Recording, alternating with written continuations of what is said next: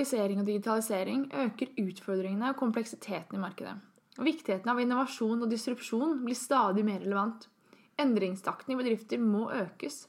Men hvordan kan du lage de gode kundeopplevelsene, skape innovasjon og engasjerte ansatte, samtidig som man endrer seg? Hele 75% av nordmenn føler jo lite eller inget engasjement i jobben sin.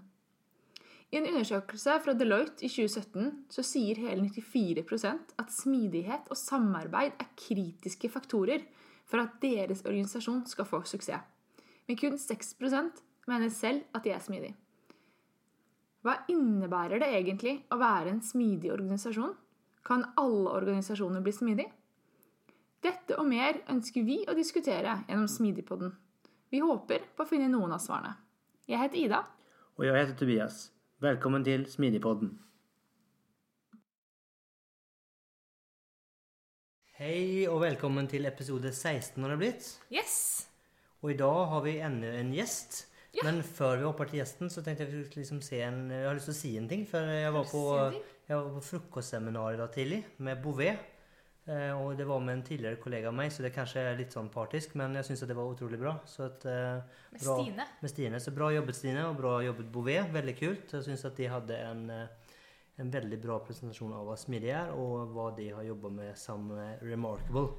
Og fått til veldig bra der. Så det var veldig fint. Så dere som Gøy. Jeg hadde egentlig skikkelig lyst til å dra. som gikk glapp av det, det misset noe der. Men så vet jeg at de har en ny Stine skal på scenen igjen, tror jeg faktisk er i slutten av februar. Skåne. Ja, Om smidig som endringsledelse eller noe i den stilen der. Så det kan vi anbefale. Oi, så spennende. Så vi kan sikkert legge ut en lenke til det òg. Ja.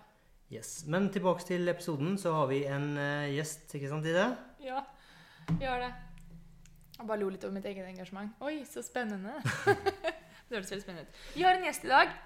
Øyvind, Ja, velkommen til oss. takk, takk. Det er veldig gøy. En gjest til. Jeg syns det er så gøy å ha gjester, for jeg syns episodene blir så bra. Eh, Øyvind, du er fra Defin Consulting. Det stemmer. Så er det riktig? Ja, det, du kan si det på mange måter. Define, Defin eller Define, som det hårproduktet. Det, det er mange som bruker det. ja. Kult. Vil du fortelle litt om deg selv? Ja, jeg kan gjerne gjøre det. Ja. I dag, eh, dere sa jo det, jeg jobber i Define Consulting. Det er jo konsulentselskap. Jeg har jobbet der i snart to år. Jeg jobber jo som en veldig sånn teknisk person, så jeg jobber med mye utvikling, men også mye prosessting. Men den overordnede tittelen jeg har, da, er jo at jeg jobber med DevOps. Uh, dette har jeg gjort siden 2015, tror jeg, så det begynner å bli en god del år. Har lært mye, vært gjennom mange frustrasjoner, selvfølgelig. Mange uh, kan du si, kvelder jeg har revet av meg håret. Det er- Men også veldig mye kul læring. da, Selvfølgelig kule folk å jobbe sammen i de forskjellige bransjene jeg har vært i. da. Startet først å jobbe i finn.no.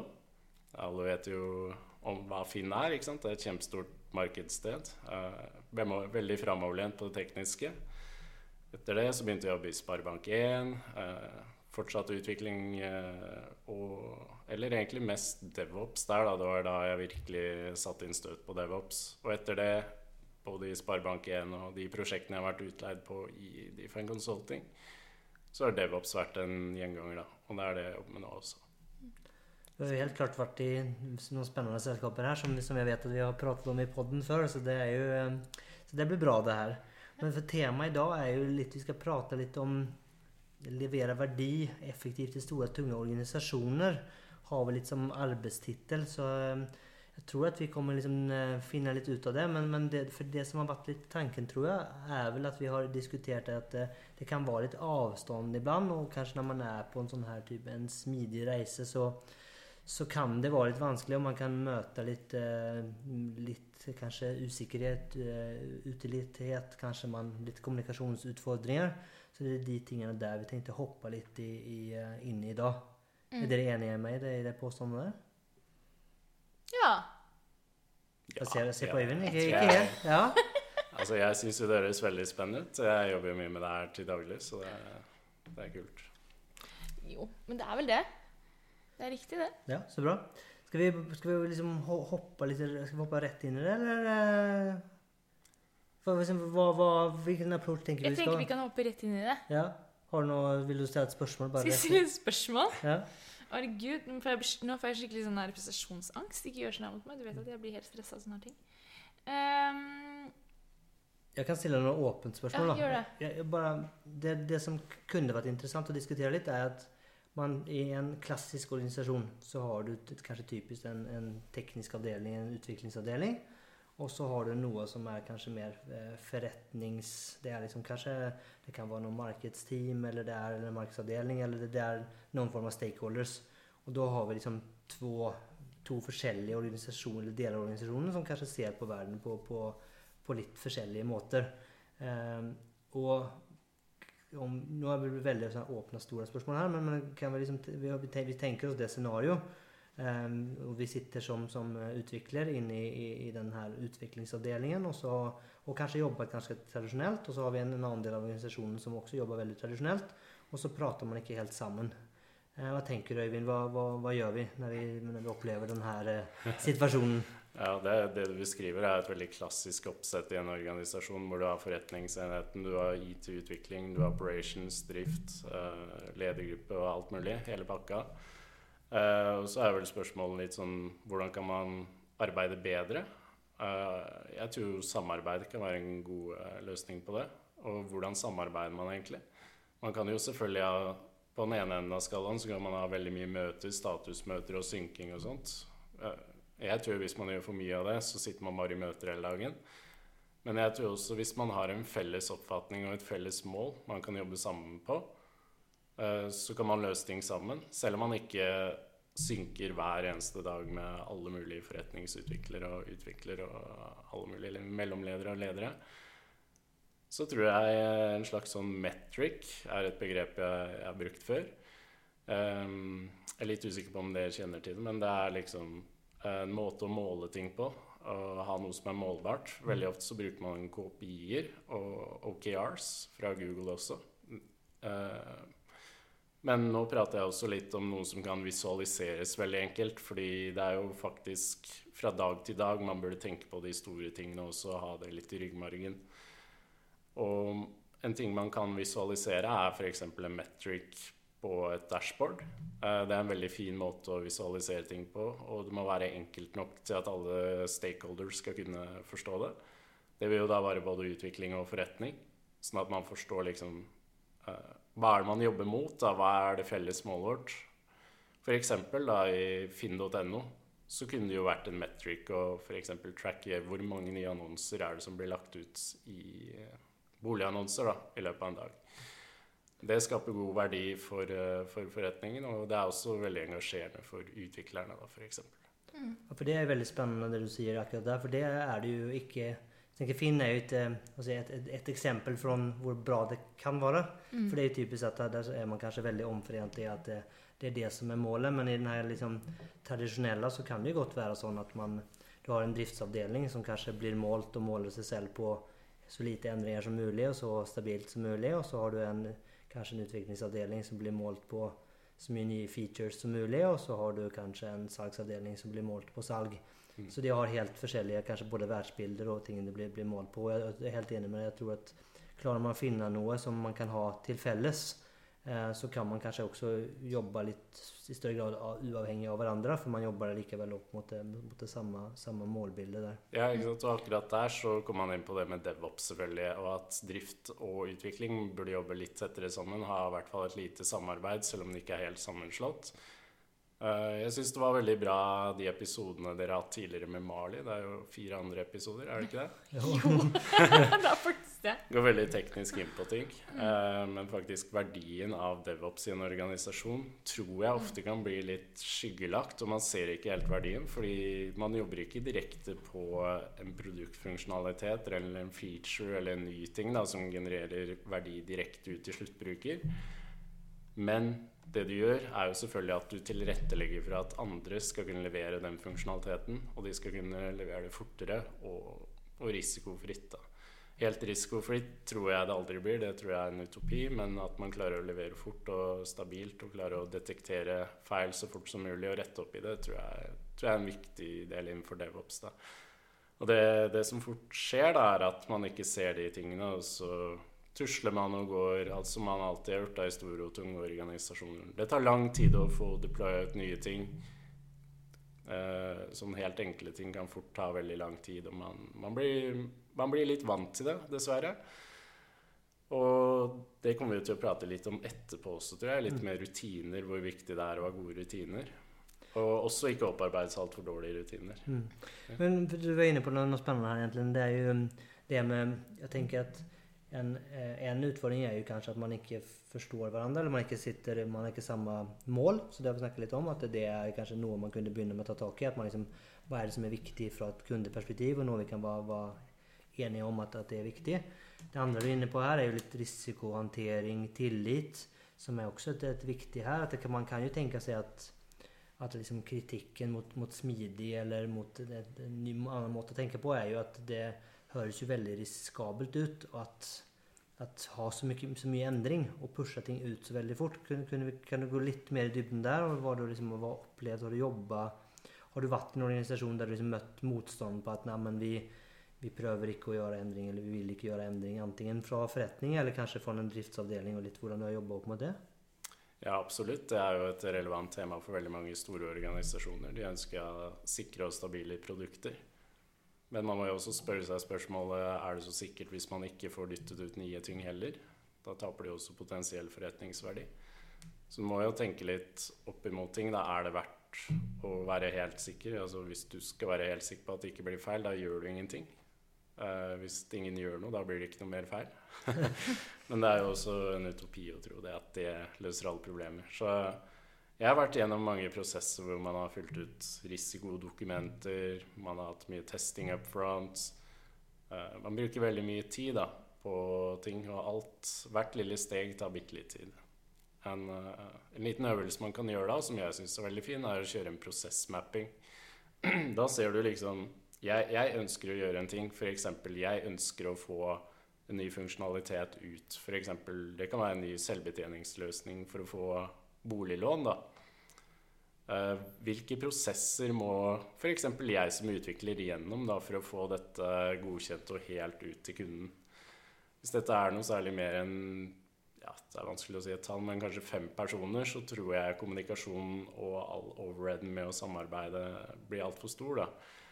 Eh, Jeg tror samarbeid er bra, men ikke på det nivået at man hele tiden må invitere til ti forskjellige møter her og der. For dette er jo et problem veldig mange store organisasjoner har. At det er mye mer enn fem personer som er involvert i sånne prosesser. Jeg kan jo bare snakke for de jeg har snakket med, da. Vi er en grei kjede av mennesker du må gjennom. Før du får lov til å slippe noe ut i produksjonen, da. Jeg kjenner til det.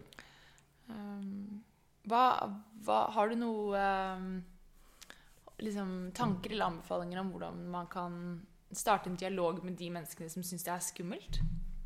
Jeg tror man må begynne å prate så fort som mulig når man begynner å ta en avgjørelse. En ting kan jo være at man, hvis man har daily standup, som er en ganske sånn vanlig, smidig prosess å kjøre hver måned, og bare stikke innom der og høre litt hva, hva som er de dagligdagse utfordringene til IT-avdelingen og utviklingsavdelingen. Få en liten overread der. Eh, men så er jeg også litt var på at det her ikke skal bli en møtekavalkade hvor man bare sitter i møter. Men jeg tror dette går litt igjen på at man skal kunne release fort nok. Fordi hvis man releaser hyppig nok og ofte, så vil man se verdien av det mye kjappere. Og da tror jeg stakeholderne, eller eh, beslutningstagerne, de vil sitte mye tettere på IT-utvikling, og du kan ha en mye mer kontinuerlig dialog da, enn hvis du bare en gang hver tredje uke f.eks. dytter ting ut. Så jeg, jeg tror det er en hva kan du si, et sånt fundament da, som man bare må bygge opp at man skal faktisk få ut funksjonalitet fort nok, fordi det gagner alle. Det gagner utviklerne, det gagner liksom forretningssiden, det gagner lederne. Og litt under det igjen tror jeg er å gjøre det veldig enkelt da, for IT-avdelingen å ta de rette valgene. Mm. Uh, da kommer man jo litt sånn inn på mennesker igjen, hva slags type mennesker forskjellige typer er. Mange ser jo på utviklere som veldig innadvendt og sånt, og det tror jeg kan stemme i mange tilfeller. Men jeg tror også mye av grunnen til det er jo at man sitter veldig konsentrert med en liten ting. Og mange av de tingene tror jeg kunne vært forenklet hvis man lager en slags golden path. Eh, Spotify har gjort dette lenge. De har én måte hvor de forteller utviklerne sine ok, hvis dere gjør det her på den måten her, så vil det være mye lettere å få ting ut i produksjon. Eh, det er sånn typisk eh, Ta en applikasjon og en database. da De spiller ofte på lag, og de skal fungere sammen. Eh, men hvis man gjør det på en standard måte, så, så kan man dra nytte av det. Og man slipper å finne opp hjulet på nytt. da, fordi litt tilbake til det med person, personlighet igjen, så er jo mange utviklere veldig tekniske. Det er jo ingeniører. ikke sant? De, de vil løse problemer. Men kanskje ikke de rette problemene å løse er at man alltid skal lage grunnmuren i huset, men at du heller lager nye features i huset. Nytt baderom eller treningssenter. Mm. For å dra en liten analogi. Ja. Mm. Du nevnte jo gode rutiner. Mm. Er det det du mener med det?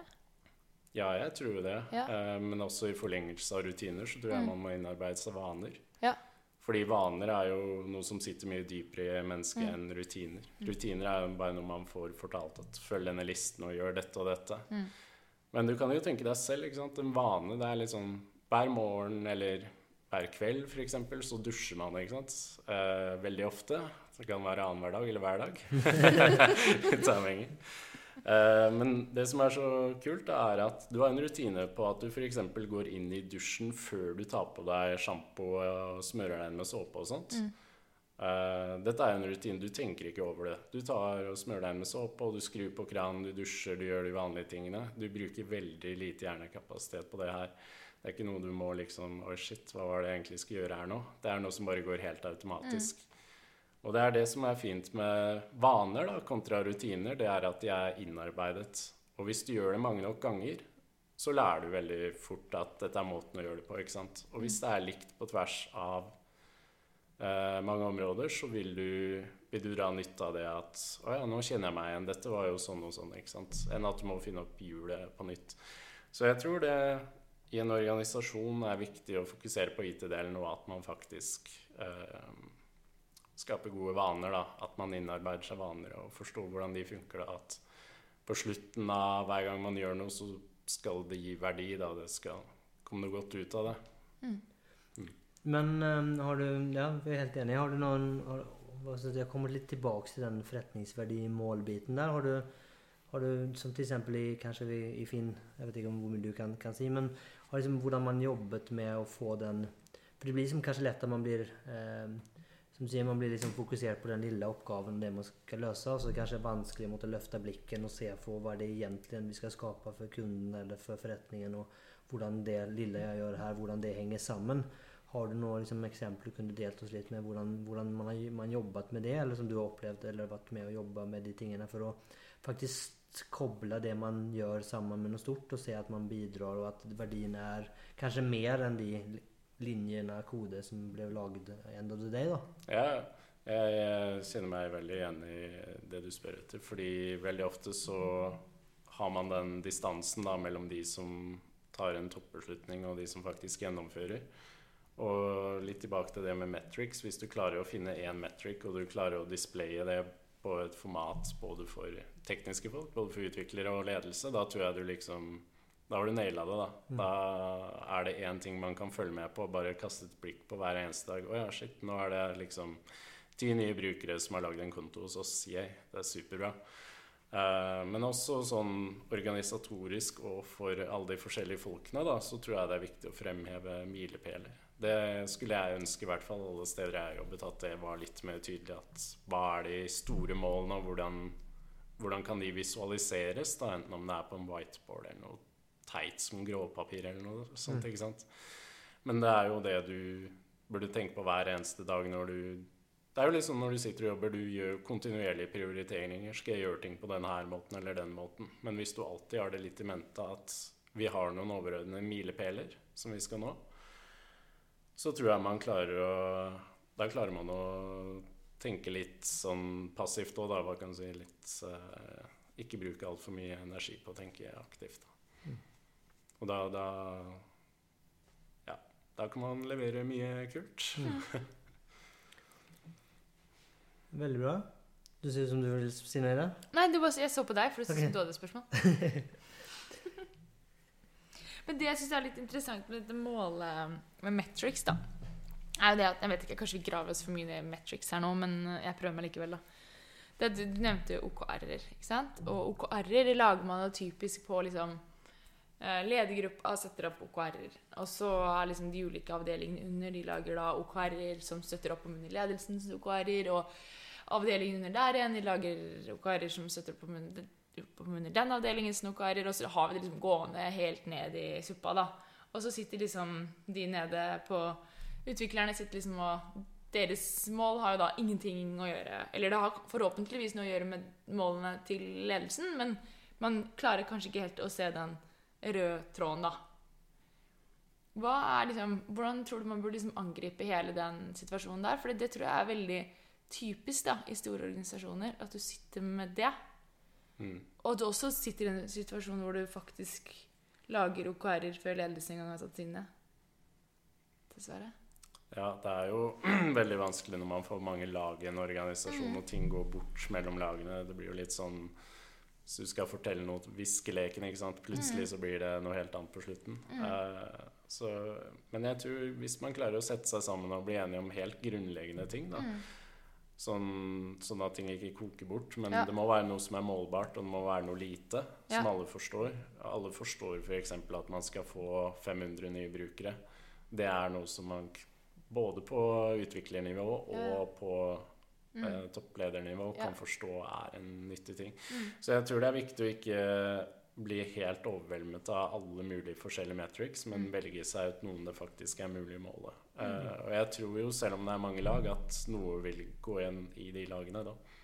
Så hvis man velger seg ut en veldig konkret ting som det er lett å måle, så, så tror jeg det er fint. Så det som er fint med DevOps, uh, eller plattform, da, som veldig mange kaller det, er jo at man tilrettelegger for at de andre teamene eller avdelingene skal kunne få satt sånne metrics opp uten at det er kjempevanskelig. Veldig ofte så er det ikke så mye som skal til for å måle ting over tid. Du har jo lyst til å se en trend, f.eks. Uh, og det Der har det skjedd veldig mye de fem siste årene. Det er kommet nye teknologier som f.eks. Kubernetes eh, legger jo til rette for at man skal kunne kjøre ting veldig enkelt, men også ting bak. Grafverktøy som Grafana har jo blitt en de facto-standard i markedet nå. Nesten alle bruker det.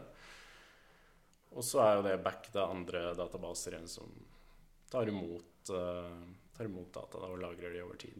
Så, så lenge du bruker litt kapasitet og ressurser på infrastrukturen og hva kan du si, DevOps-teamet, så, så kan du tilrettelegge for at disse metricene er superenkelt å sette opp.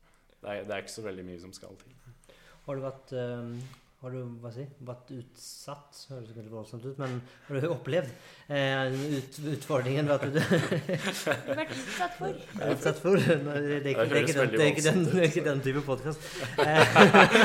Nå sitter vi her Åh, hva har skjedd med deg? Nei, det, det jeg prøver å si, er jo det at um, Jeg tenker det krever jo en del det, investering. I, um, noen må få lov å jobbe med disse tingene. Og det som du sa, det er kanskje ikke en direkte kobling til sluttbrukerverdi. I hvert fall ikke liksom direkte. Den er jo indirekte der, og det er liksom viktig få disse tingene på plass. Men det kan jo være som, kanskje som, som leder eller som representant for forretningen kan det kanskje være vanskelig å forstå hvorfor skal vi gjøre disse tingene her, og, og uh, hvorfor skal vi liksom velge å investere og fokus på det istedenfor noe annet. Har du vært, med i en sånn type diskusjon og opplevd eller liksom hva man kan gjøre for å kanskje få, få forretning eller få ledere med på å forstå at det her faktisk er, er riktig å, å bruke tid og penger på? da? Ja, jeg tror uh, mye av grunnen til det er jo at man må forstå litt hvordan mennesker egentlig fungerer også, da. Fordi infrastruktur skal være litt kjedelig. Det er litt sånn Du kan jo tenke deg vannrør og sånt, eller f.eks. T-baneskinner. Det er jo ikke så spennende, egentlig. Det er jo det som kjører oppå det, som er veldig morsomt. Og det er jo også litt av grunnen til at man ikke prioriterer det. Det er ikke spennende eller sexy nok. Men da kan man også tenke seg litt sånn uh, på employer branding, da. Hvis du vil ha kule ansatte, uh, så må du faktisk oppgradere infrastrukturen din litt og bruke kule ting. Og det, er, som sagt, det har skjedd veldig mye de siste fem årene som gjør at hvis du heller ser litt langsiktig på det, og investerer i en god infrastruktur, så kan du levere ting mye fortere over hele fjøla. da. Det er det, som, eh, det er det som veldig mange store organisasjoner kan dra nytte av, tror jeg. Å ha, ha en felles oppdatert infrastruktur som alle deployer på, da. Enn at alle sitter på sin lille tue. Eh, så hvis man tenker langsiktig, så go for it. Eh, gjør mer infrastruktur. ansett den ene ekstra plattformutvikleren. Det, det er lurt å gjøre det, selv om det svir litt her og nå. Så ganger det, ganger det bedriften mye bedre over tid, da. Jeg ser det som en employer branding-ting var litt interessant. Det har jeg vel for så vidt kanskje jobba med, men kanskje ikke tenkt på det så direkte. Så det var, ja. Ja, DevOps er jo vel å merke Nå snakker jeg veldig varmt om DevOps, da, siden jeg jobber med det. Men det er jo en av de største fagområdene innenfor IT som vokser nå. Og det er jo dumt å ikke satse på det også, tenker jeg. Eh, da havner du i bakleksa. Um, så hvis du går på alle konferanser nå, så prater vi om DevOps. Mm. du kan legge veldig mye i DevOps, men det er jo veldig mye annet enn tradisjonell utvikling, da. Som et nytt fagfelt. Veldig bra. Hva tenker du da? Har, vi, um, har du noe mer på, på lista di som du ønsket vi skulle få spurt når vi har muligheten? Ja, jeg har en ting jeg egentlig har veldig lyst til å diskutere, men da må vi liksom tilbake igjen til Metrics. Kjør på. Kjør på. Ja. Metrics er bra. Metrics er bra. Fordi nå har vi snakket om på en måte metrics for um, på et litt mer sånn Hvor mange brukere skal vi ha? liksom Den type ting. Men så har man også kanskje andre metrics, andre ting man vil måle, som er Som går litt mer på, um, på liksom, Kanskje man har lyst til å måle lead eller cycle time, altså den type ting. Men det er ofte noe som blir sett på som veldig negativt fra utviklersiden. Da, for de føler seg ofte kanskje eh, at man måler liksom deres effort da, og deres liksom, hvor mye de faktisk jobber. Og det er veldig lite hensiktsmessig. Eh, og det ønsker man jo ikke å gjøre. Så det er litt spørsmålet går litt på liksom Får man det man måler? Hva kan være smart å måle i en type utvikling slash drift DevOps-prosess, Prosess. da? Mm. Gir det er mening? et Artig spørsmål, ja. Fordi her drar du inn både folk og teknologi. Det er jo det spørsmålet. Ja. Mm. Du har jo også måling av folk, ikke sant? hvor uh, effektivt man kan arbeide. Mm. Jeg tror folk flest har en veldig god intensjon og mening med ting man gjør. Man gjør ikke ting bare for å gjøre det, liksom, eller bare fordi man syns det er moro. Uh, men folk flest har jo et mål om å støtte opp under en felles visjon. Eh, Så jeg tror det er litt skummelt å måle personer på personnivå og detaljstyre det. det ofte kalles det micromanagement. Ikke sant? Eh, Men jeg tror liksom Hvis du ser hele bildet, da, og infrastrukturen din er dårlig, og det er det som tar tid, så, så er det der du burde fokusere på det. Men når du måler ledetid, f.eks., så, så må man jo gjøre en sånn type prosessmapping, tror jeg, og se hvor mange folk er man faktisk innom, da. Og heller kutte ned på antall folk enn at uh, f.eks. du må jobbe raskere, da. Fordi jeg tror ikke det er noe man bare kan si til noen at du må jobbe raskere. Det, jeg tror ikke det er sånn det funker. Men der tenker jeg du nesten svarte på spørsmålet jeg hadde litt tidligere. tenker jeg. Hva var det? Nei, men det er jo liksom å selge det inn. For klarer du å gjøre en liksom, analyse av eh, prosessen din og se at, at ok, det, det tar veldig lang tid fra min idé til det er ute i produksjon. Og grunnen til det er at vi bruker veldig mye tid på infrastruktur, f.eks. Så har det kanskje lettere å selge det inn og si at her må vi gjøre noen grep. For at du er jo kanskje interessert i å få din feature ut, og da er det det, det, er ikke, det er ikke utvikling som tar tid, det er kanskje noe annet. Og da kunne vi kanskje jobbe med det for å løse det, for å faktisk få ting ut fortere. Mm. Ja, ikke sant? Du kan jo alltid bare pisse i buksa og løse et eh, problem halvveis nå da, men hvis du tar de store løftene på DevOps og plattform- og infrastrukturbiten, så klarer du faktisk å gjøre det på en god måte, da. Men det krever jo krever at man investerer i det Mm. Det vi også har vært eh, Som vi var inne på før vi begynte å spille inn podkasten litt tidligere, det er dette med ehm, At man ofte har en frykt for at noe kan gå galt. At det ofte kan bli liksom en blokker da, for å, for å release noe. Du var litt inne på det tidligere i podkasten, egentlig. eh, med tanke på liksom å release smått eller stort, liksom. Og, og da at du kanskje ofte har en frykt da, hos beslutningstakere for det å Mm. faktisk tørre å release når de tør å gjøre ting på en annen måte. da, Og at utviklerne kanskje er de som Ja. pusher på. da. Ja, ja, selvfølgelig. Det tror jeg er en sånn ting man sitter og kjenner på, da, både som utvikler og de som er stakeholders her. At nå kommer det til å gå gærent når man releaser. ikke sant? Og da gjelder det å være litt smart. da, og Du sa jo det også, at hvis man har små deler og forståelige ting, da, hvis man eh, deployer noe man faktisk har kontroll over, enn en stor varebil med ting, kan du si, som du ikke helt vet hva inneholder, eh, så tror jeg du klarer å forstå litt mer hva som skjer. Da. Og Mm. det, det tror jeg er mye av konseptet her. Men også så tror jeg man på IT-siden kan være litt smart også bruke bakordkompa si, for å løse problemer. Da. Sånn at du kan få ting ut sånn at både det nye Nei, unnskyld, det gamle funker sammen med det nye som blir lagt ut. Hvis det er to ting som snakker sammen, ikke sant? To tjenester som er avhengig av hverandre. Uh, at du ikke har en sånn breaking change, da. At eh, go hard or go home-type approach, men at du heller gjør det gradvis. da, At du, du type du tilrettelegger for at begge versjoner funker, både den gamle og den nye, med hverandre. Da, mellom de to, eh, to tjenestene. Det tror jeg kan være lurt, selv om det, det er merarbeid for utvikling å gjøre dette. Fordi de må gjøre ting i to, to steg.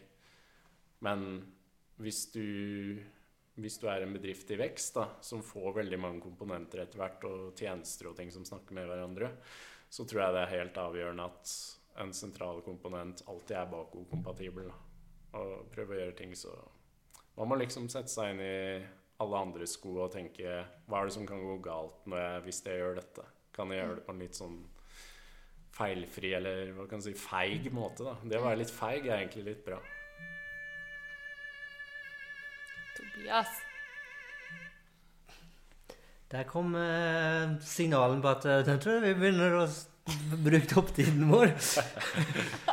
begynte, begynte å lage lyder, Mac-en her. Hvor ville fine lydsignal. Ja. Skal vi, Sånn eh, skal vi ta og kanskje begynne å, å runde av om det, eller har vi noe siste vi ønsker å få sagt før vi hopper inn i de siste spørsmålene her? Eh, nei, vi kan godt eh, runde av og hoppe inn i neste siste spørsmålene. Men er det noe mer du har lyst til å si? Nei, jeg syns, eh, syns det har vært veldig spennende å høre litt hva dere er interessert i. Og så har jeg også fått snakka litt. Det er jo det viktigste av alt her. Er det, Det er det viktigste av alt. Sitte og skryte litt. Ja. Det er det viktigste av alt. Nei da, så vi kan godt gå i gang eh, hvis dere har noe mer dere lurer på og sånt. Og så kjør i gang. Mhm. Vi har jo disse fem siste spørsmålene. Som vi glemte sist gang. Ja. Ja. Men nå er det en ny gang, nye muligheter. Blir det Yes. ti på meg, da? Ti på deg. samme to ganger. Kjøre runden to ganger. Yes. Den første er jo um, Hva ville du fortalt 25 år gamle deg? Eller 20 år gamle deg? Litt sånn tilbake til det, i hvert fall. Ja, ikke sant. Jeg er jo eh, snart 30 år. Jeg fyller jo 30 år. Så du ta 20, da. Ja, jeg kan ta 20, så føler, føler jeg meg ikke så ung heller. Nei, jeg, jeg, tror liksom Hvis jeg kunne tenkt meg én ting, da Valgt meg ut én ting, så ville det nok vært å være litt mer ballsy på ting og utfordre litt mer ledelsen på ting. Og ikke være redd for å spørre om ting, da. Fordi man kan ofte være litt sånn overveldet med en gang man starter å jobbe i en stor bedrift. Jeg har jo utelukkende jobbet i store bedrifter frem til nå. Eh, og da er det veldig mye kompleksitet, både organisatorisk og teknisk, å sette seg inn i.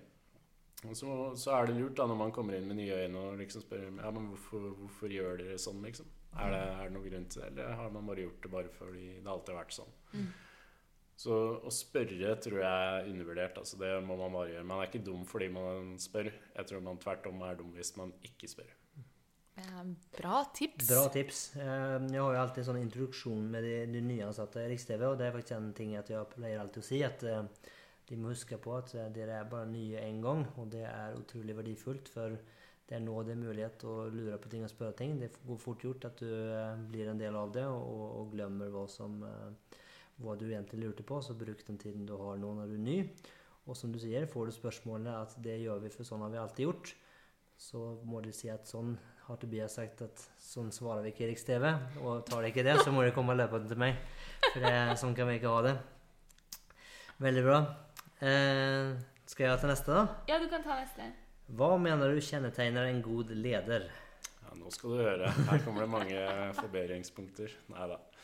Eh, jeg syns det er eh, eh, En god leder skal jo være god til å delegere arbeid og stole på at eh, de ansatte utfører ting. Jeg vil jo dra fram et lite eksempel fra der jeg er utleid i dag, i Distribution Innovation. Jeg syns de er veldig gode på det.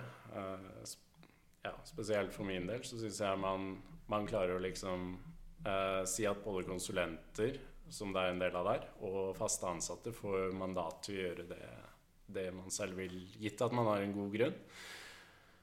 Og det tror jeg er bra at man klarer å stole på de ansatte. At en leder ikke gjør alt selv og bare micromanager alle ansatte og forteller dem akkurat hva de skal gjøre, men at de selv kan ta mye av det ansvaret. Det, det tror jeg er veldig viktig. Og selvfølgelig bygge opp teamet.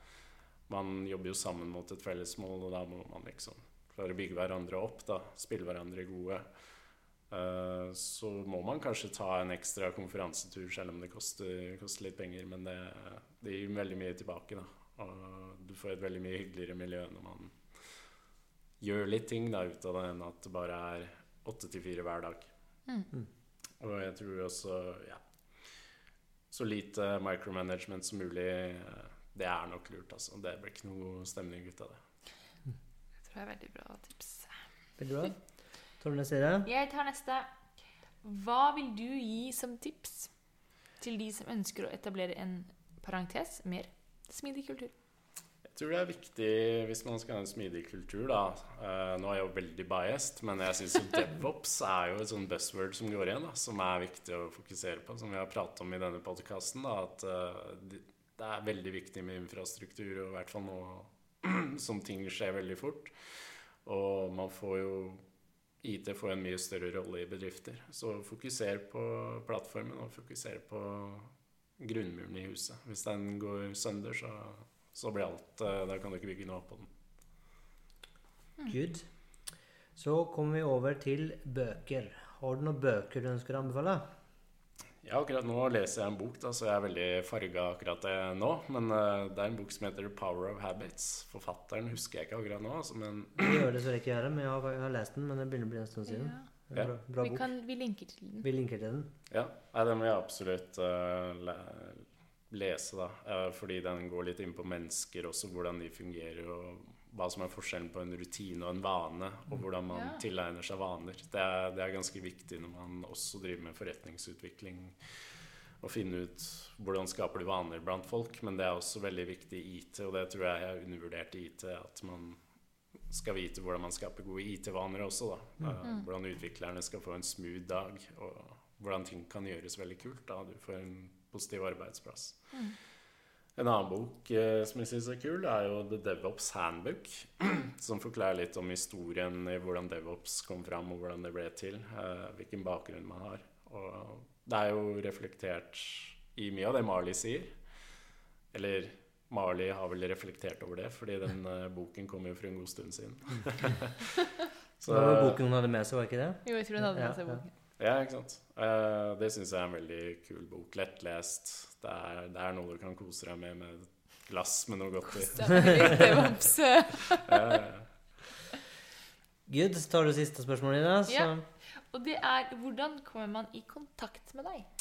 Ja, det er jo mange måter å gjøre det på. Ehm, Jeg har jo f.eks. en egen nettside. Den eh, Ja. staves jo ut whirlwin.no.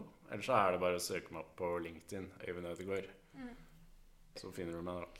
Vi kan uh... Vi kan lenke til deg. Så hvis det er noen som har lyst til å leie seg inn en DevOps-konsulent, så kanskje det kan bli mulig. Jeg må bare sette på en liten timer på i hvert fall to år, da. Så det, det er så kult der jeg jobber nå. Det er jo bra, da. Det er gøy. Good. Da tenker jeg at vi, vi er igjennom. Ja. Um, har du noe du vil komme på at du vil si, Øyvind, før vi, vi takker for oss? Jeg syns det var veldig, veldig kult å liksom høre hva dere hadde lyst til å lurt på og sånt. Da. Det er ikke alltid jeg prater med folk som jobber med det dere gjør. Men eh, det er veldig kult å få være her, og at jeg har fått vært gjest her. Og at dere har orka å høre på det jeg har å si. Det er ikke alle som gidder det. Det har vært veldig hyggelig å ha Jeg deg på syns det har vært kjempebra. Ja. Jeg har lært masse. Så jeg håper dere som lyttere syns at det har vært spennende òg. Mm. Så kommer vi snart tilbake med, med nye episoder. Mye spennende på gang.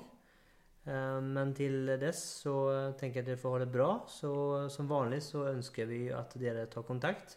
Det setter vi veldig pris på. Så alt av eh, innspill og feedback og kommentarer eller forslag på gjester, det er jo veldig gøy.